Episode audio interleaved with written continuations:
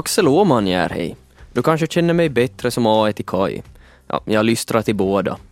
När jag inte hittar på torra skämt med mina professionella pjassalappskollegor så studerar jag journalistik. Och jag ska alltså vara din sommarpratare idag, vare sig du vill det eller inte. Vill du vara en av Vegas sommarpratare? Jag?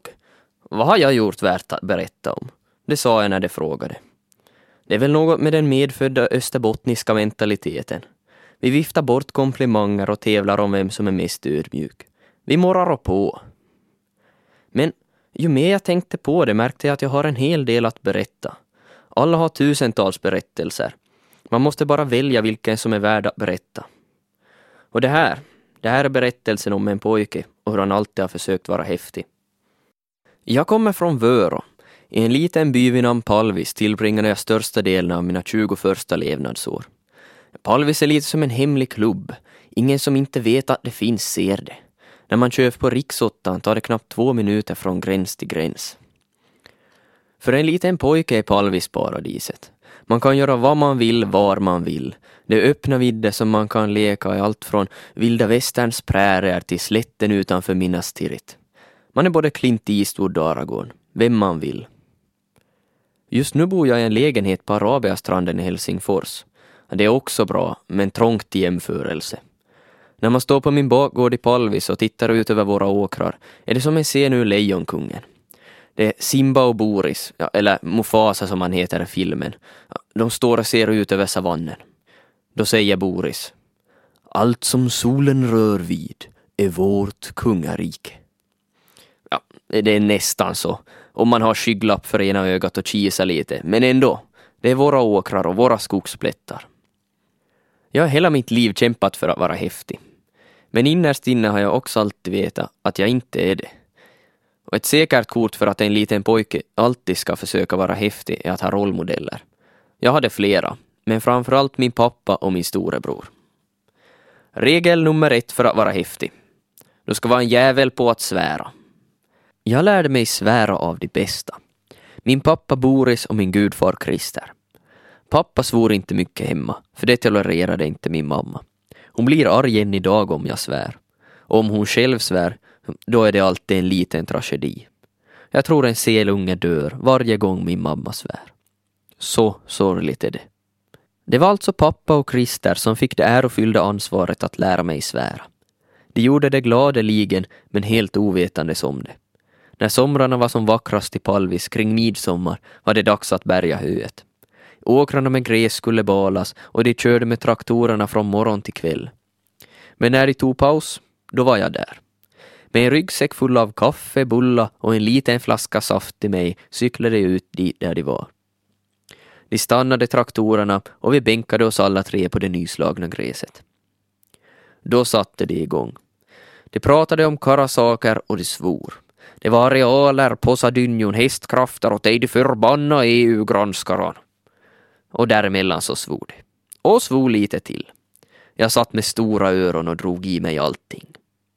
I efterhand har jag funderat på varför pappa och Christer svär så mycket då de träffas.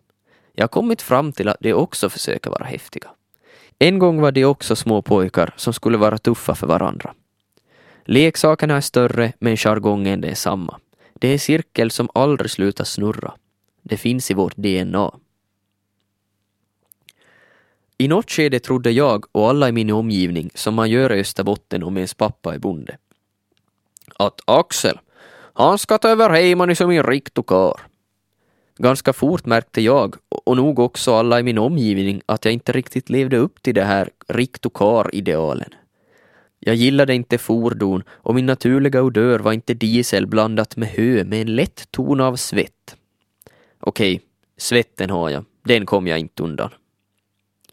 Jag älskar mina föräldrar. Det är fina människor som inspirerar mig varje dag. Men det är jäkligt synd att jag tog det sämsta av var deras gener. Jag har min mammas dåliga syn. Jag undrar om någon av våra förfäder på något märkligt vis härstammar från mullvadar och blinda eremiter. Och jag har min fars svett. Doften av en riktig karl som gjort ett gott dagsverke. Alltid, 24-7. Till och med då jag simmar. Östersjöns höga gifthalter beror till 50 procent på att jag gick i simskola på trean. Hur som helst, jag levde inte upp till det här riktokar-idealen. Jag läste hellre än skruvade med mopeder, spelade hellre musik än körde traktor. Om något skulle byggas var jag till lika stor hjälp som när två starka män lyfter en soffa och familjens femåring kommer springande för att hjälpa till. Då lägger sig det lilla fanskapet i soffan. Sån är jag när det kommer till att bygga saker. Det tog ända till högstadiet innan jag förstod att journalist var det jag ville bli. Ända sedan jag var liten hade jag läst om Tintins fantastiska äventyr. Jag längtade ju också efter äventyr. En naiv väg in till ett vanligt yrke, men så var det. Jag visste att jag skulle bli journalist just före jag av en händelse också blev komiker. Komiker. Det låter för stort. Inte jag, det tänker jag blygsamt. Nej, jag känner mig varken som en riktokar eller äkta komiker. Så häftig är jag inte. Hösten 2009 kände jag att jag ville testa något nytt. Något häftigt. Under flera år hade jag bytt hobbyer med jämna mellanrum. Jag höll på pinsamt länge med fotboll. Det tog alldeles för länge för mig att inse exakt hur dålig jag var. Jag och Jakob spelade i samma lag i flera år. Det var genom fotbollen vi blev vänner. Men skillnaden var att han var bra. Jakob gjorde alltid mål på matcher. Mitt målkonto däremot, det består än till denna dag av totalt tre mål. En bred sida som for in med tur markerar höjdpunkten på min fotiskarriär. De andra två var självmål. En gång sköt någon bollen via mitt huvud och i mål. Det andra så sköt någon mig i baken så att det studsade in i eget mål. Det tog sjukt och alla skrattade. Skinka in var ett uttryck jag aldrig bad om att bli upphovsman till. Det hängde med pinsamt länge i laget. Nja, i fotiskretsar, där är jag inte så häftig. Men 2009 gick jag ettan på gymnasiet och jag kände att det äntligen var dags att göra något som länge malt i bakhuvudet. Något jag kände kunde vara det rätta för mig. Att gå med i revyn i Vörå. Klä ut mig och ställa mig på scen och spela en lustig pensionär eller kommunalpolitiker. Det var något jag av någon märklig anledning redan funderat på en tid. Det var samma höst vi tog det första trevande stegen med Kai. Skrev våra första låtar och fick vår första spelning.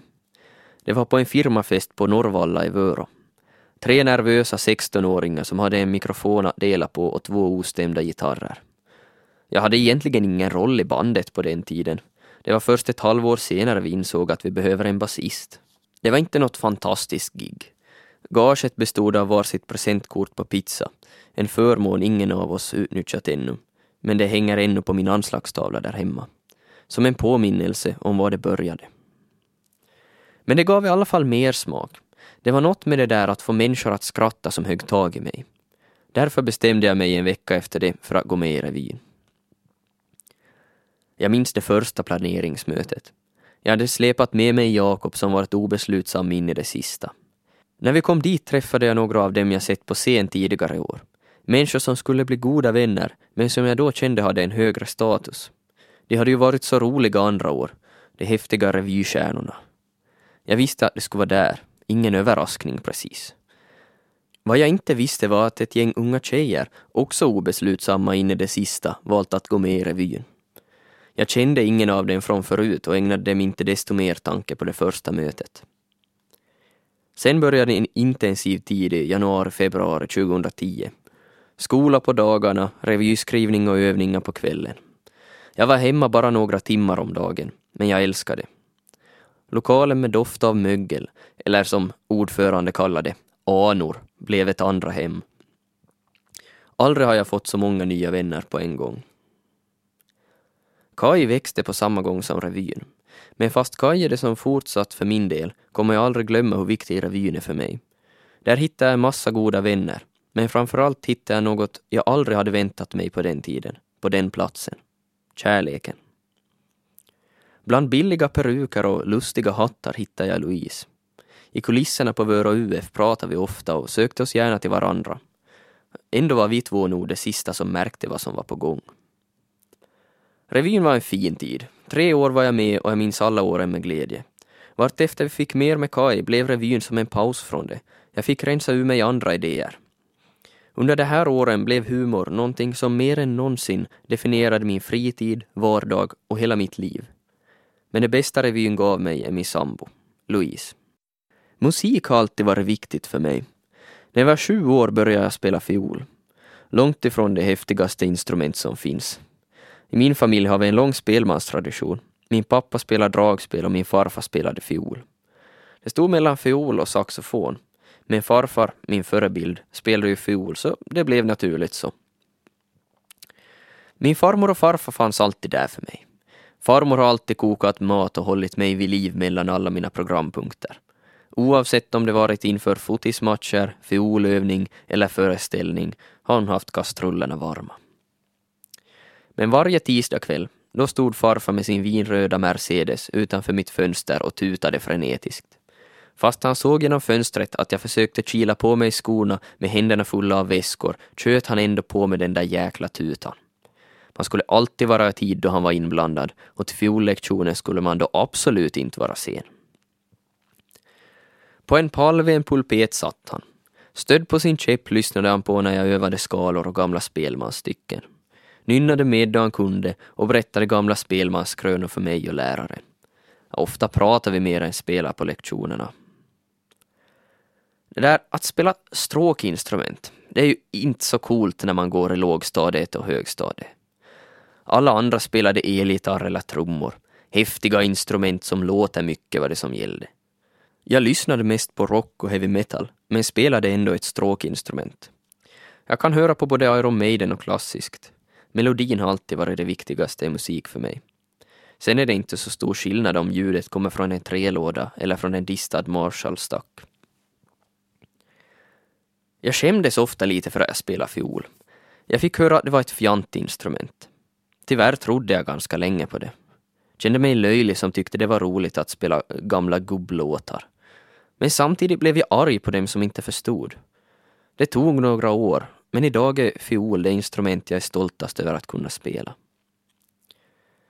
Jag minns när jag fick farfars fiol. Vi hade flera hemma hos oss, men det lät som ett gäng frassar som klämt svansarna i dörren samtidigt som någon hällde kallt vatten över dem i jämförelse. Farfars fiol låter kraftigt och rent. En klar klang utan mjäkande, precis som sin ägare. Den är gyllenbrun och skiftar i orange med små detaljer på locket. Den är byggd av en man i min hemby som trots att han blivit av med de flesta av sina fingrar när han kapade ved byggde de bästa fiolerna. En äkta österbottning. Vad ska man ha fingrar till liksom? Man har ju tio att ta av, bara nu ett lämnar. Jag spelar knappt längre och du är bättre än mig nu. Så sa farfar dagen då jag fick den. Det var min favorit, men på något sätt ville jag ändå att han skulle ha kvar den. Jag visste ju vad den betydde för honom. Ett av Kajs sämsta gig var på en strand. Vi pratar om det nu som då och skrattar åt hur dåliga förutsättningar det var. Allt ljud gick via en liten högtalare som fick ström från en generator som byaäldsten gömt en bit in i skogen. Trots hans tappra försök att tysta ner den surrade den monotont under hela showen och gjorde att alla låtar lät mest som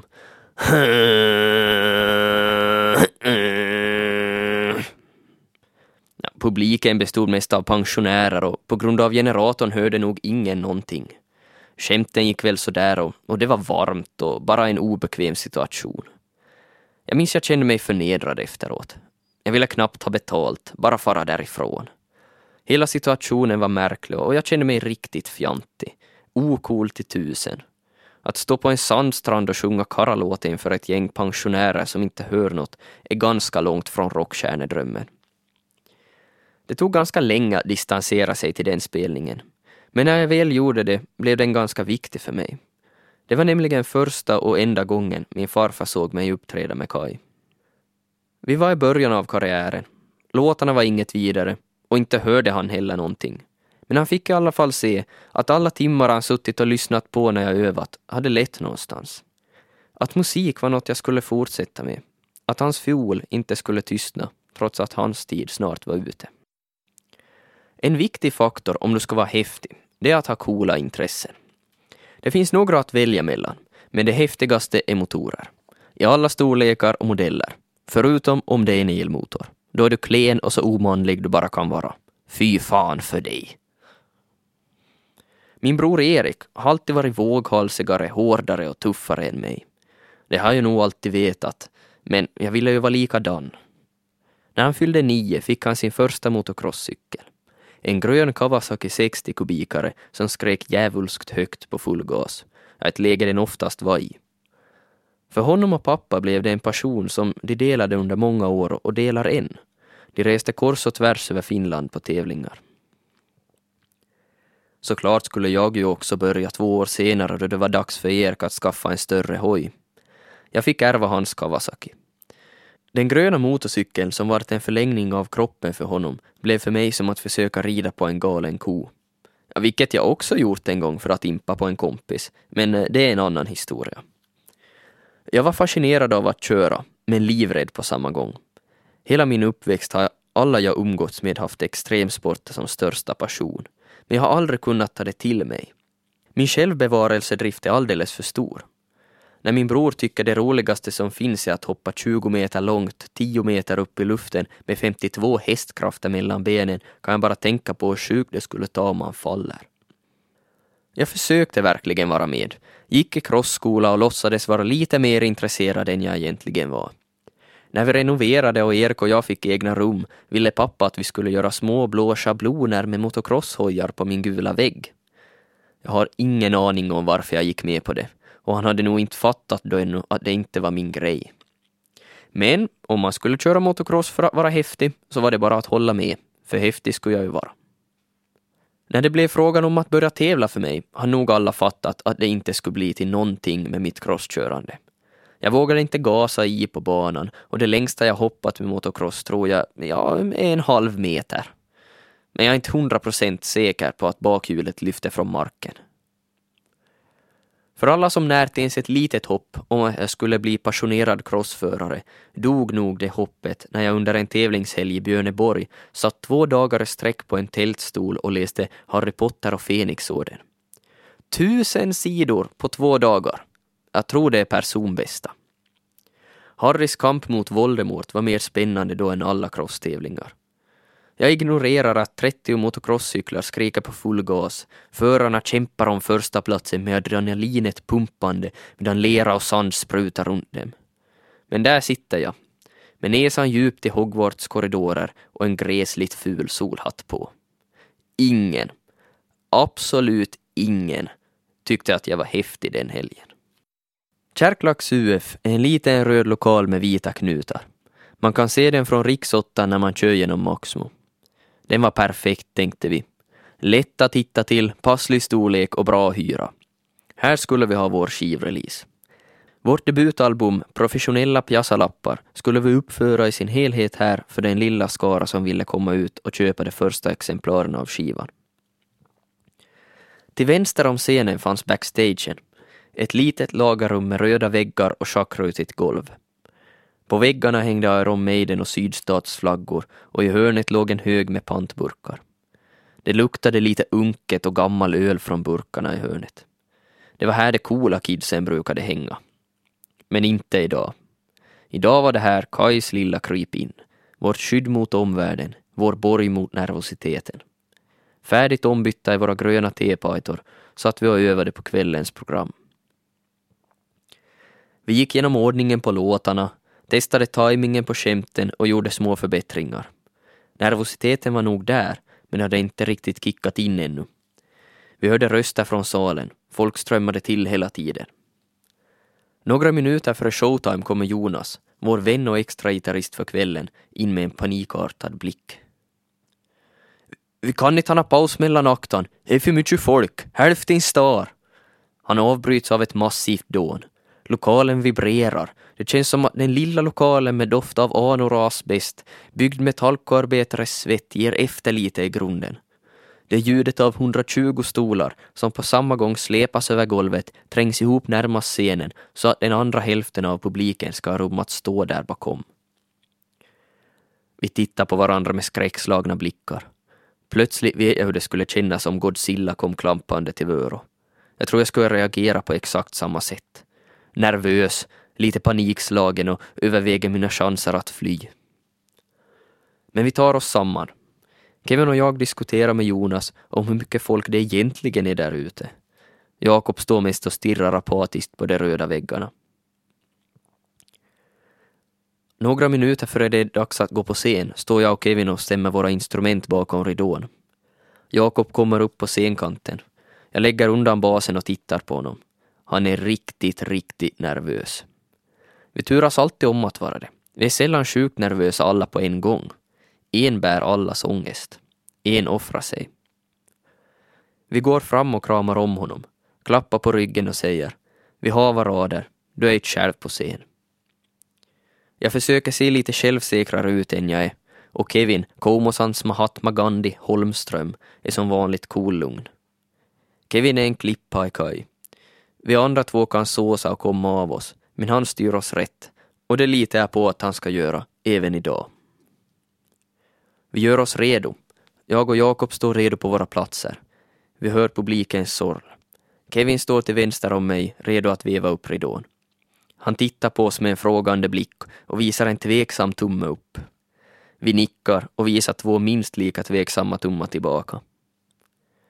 Ridån går upp och jag börjar skratta. Det är så där förvånat glädjeskratt man inte kan hejda. Det är så otroligt mycket folk. Jag ser alla jag tycker om. Mina föräldrar har norpat två stolar åt sig. Farmor sitter med knäppta händer bredvid. Min gamla revyrev till morfar är där. Louise sitter en bit bort och ler sitt stora fina leende. Min bror Erik smattrar med kameran längst fram. Och det är en massa främlingar. Spelningen går sjukt bra. Vi spelar genom hela vårt debutalbum med några S i rockärmen på vägen. Det är närmare 250 människor i salen, mer än 100 fler än vi räknat med. Det är otroligt varmt, trångt och intensivt, men det är en stor stund. Releasen blev en milstolpe för Kai. Vi insåg vi hade någonting som folk gillade på riktigt. Något som de kunde tänka sig att stå i två timmar och svettas för. Det har jag ännu svårt att förstå, men tack för det. Folk tycker att svett är något dåligt, men den dagen var det det finaste tack vi kunde få, fastän det luktade riktigt illa. Alla försöker vara häftiga. Macho är det som gäller och det man föds upp till att vara. Jag tycker det är fascinerande hur människor, främst pojkar och män, försöker så hårt att hela tiden vara häftiga. Cool, hård, tuff. Olika ord för samma sak. Att lås vana. Varför? Jag kan inte förstå. Kläder, ord, beteende och jobb. Allt ska på något sätt imponera på andra.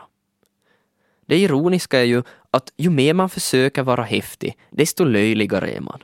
Och det är så otroligt roligt. Jag försökt länge vara häftig, på andras villkor och enligt vad jag trodde förväntades av mig. Säkert bottnade i något sorts eh, bekräftelsebehov. Skådespelare och artister sägs ju ha ett sånt. Varför vet jag inte, jag är inte någon jädra psykolog. Men om det ingår i kollektivavtalet och man står på en scen så säkert är jag också drabbad. Men varför blev det då humor? Varför var inte några föreställningar i året med revyn nog? Jag vet inte. Enda svaret jag har är att jag älskar att göra humor, hitta på roliga saker att berätta på olika vis och få folk att skratta. Att skratta själv på vägen till andras skratt. Men varför bildar vi en humorgrupp? Det tror jag bottnar i våra österbottniska rötter. Säg vad man vill om landsbygden, men nöjesutbudet är inte alltid det bästa.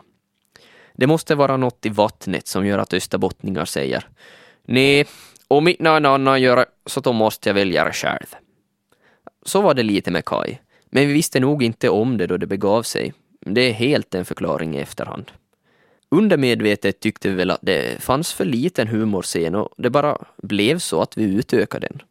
Vi har alltid morrat på och vi har hamnat på den ena märkliga stigen efter den andra och innan vi visste ordet av hade vi 24 slutsålda föreställningar på Vasateater. Eller så är svaret så enkelt att humor är kul och vi var tre vänner på samma plats som tyckte det var det bästa vi kunde göra med vår fritid. Min vän, kollega, filantropen, pollenallergikern och mannen som älskar tacogratäng, Jakob Norrgård, sa en gång du kan aldrig tycka att du är häftig om du står på scen och skämtar. Det finns ingenting häftigt i skämt. Det är roliga och fjantiga, inte häftiga. Det största misstaget för en komiker är att han står och tycker han är cool. Det är nog det visaste jag hört honom säga. Han är ingen Aristoteles, men jag kunde nog tänka mig att hänga upp en tavla med det där. Han pratar om komiker, och det gäller i synnerhet om vi talar om humor. Men det stämmer för alla. Varje människa.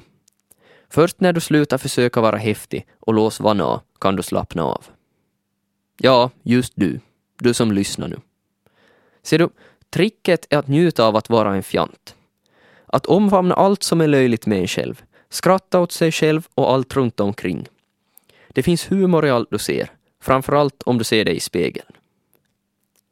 Jag är inte häftig. Vissa dagar tycker jag det.